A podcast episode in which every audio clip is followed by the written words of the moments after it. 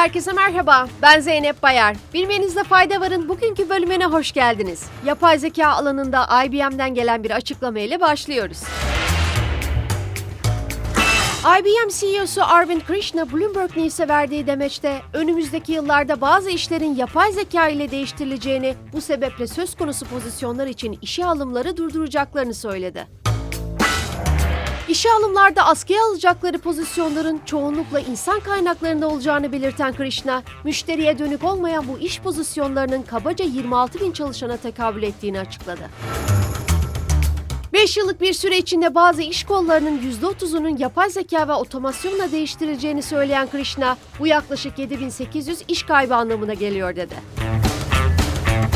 Sırada bir yatırım haberimiz var. Dubai Islamic Bank Yönetim Kurulu Türkiye'de yeni bir dijital bankacılık grubunun %25'inin satın alınmasını onayladığını duyurdu. Banka Türkiye ile ilgili açıklamasında söz konusu teklifte hangi bankanın satın alacağına dair bildirimde bulunmazken teklifin ilgili kuruluşlarına onayına tabi olduğunu ekledi. Fransa'da bitmek tükenmek bilmeyen emeklilik reformu ile devam ediyoruz. France Info'ya konuşan Fransa Ekonomi Bakanı Bruno Le Maire, emeklilik reformunun 2030'a kadar 17 milyar euro tasarruf sağlayacağını açıkladı. Hatırlanacağı üzere Fransa'da hükümetin emeklilik yaşının 62'den 64'e çıkarılmasını içeren yasa tasarısını oylamadan meclisten geçirme kararı üzerine 16 Mart'ta kitlesel gösteriler başlamıştı. Özel sağlık sigortası şirketi Alan tarafından yapılan bir anket, Belçika'da 2600 katılımcının %77'sinin işiyle ilgili hayal kırıklığı yaşadığını ve %38'in ise istifa etmek istediğini ortaya koydu. Sorunun sebebinin esnek çalışma sistemi olduğunu belirten uzmanlar, evden çalışmanın sosyal teması azalttığını ve iş memnuniyetsizliğini arttırdığını söyledi.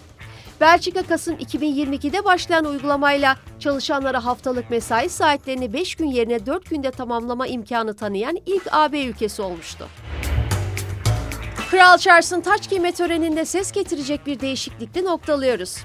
Kral 3. Charles'ın 6 Mayıs Cumartesi günü yapılacak taç giyme töreni öncesi tarihi bir değişikliğe gidildi. Bu değişiklikle sadece lordların krala bağlılık bildirmesi geleneği yerine kralın devlet başkanı olduğu diğer tüm ülkelerin vatandaşlarından krala biat etmeleri istenecek. Ancak taç giyme töreni öncesi yapılan anketler İngilizlerin monarşiye verdiği desteğin tüm zamanların en düşük seviyesinde olduğunu gösteriyor. Ulusal Sosyal Araştırmalar Merkezi'nin son anketine katılanların %45'i monarşinin kaldırılması gerektiğini düşünüyor. Bugünlük bu kadar. Yarın tekrar görüşmek üzere. Hoşçakalın.